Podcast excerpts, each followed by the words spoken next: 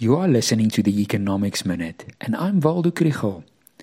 People everywhere are making predictions about what will happen in the future, but how much of it is cheap talk? If you are convinced that the Springboks will beat the Wallabies, you can bet money on it. But what about all those predictions about interest rates and how much they will increase this year? In the US, there's now a market for this, and it's called Kalshi.com. The Indicator podcast from Planet Money explains that there are futures markets for many products, such as maize or oil. Companies use futures markets as a source of information about what prices will look like in the future and then hedge themselves against risks. Ordinary consumers do not have such options.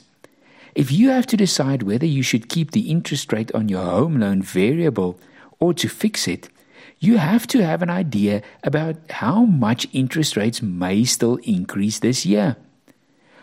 Unfortunately, for that you are at the mercy of experts. Betting markets like Kalshi hope to offer an alternative. If ordinary people can place bets on whether the interest rate will rise by another 3 percentage points, you will get the wisdom of the crowd. And they are putting their money where their mouths are. If the bet has 3 to 1 odds, it means that most people do not think that interest rates will rise by that much. Such a prediction market is a bit like a casino for nerds, and Kalshi makes money from a 1% fee that they charge. You also don't have to stand by your bet until you win or lose big.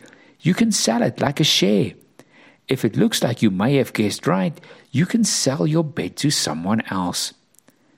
This market is still small at the moment, but it has great potential to be an interesting indicator.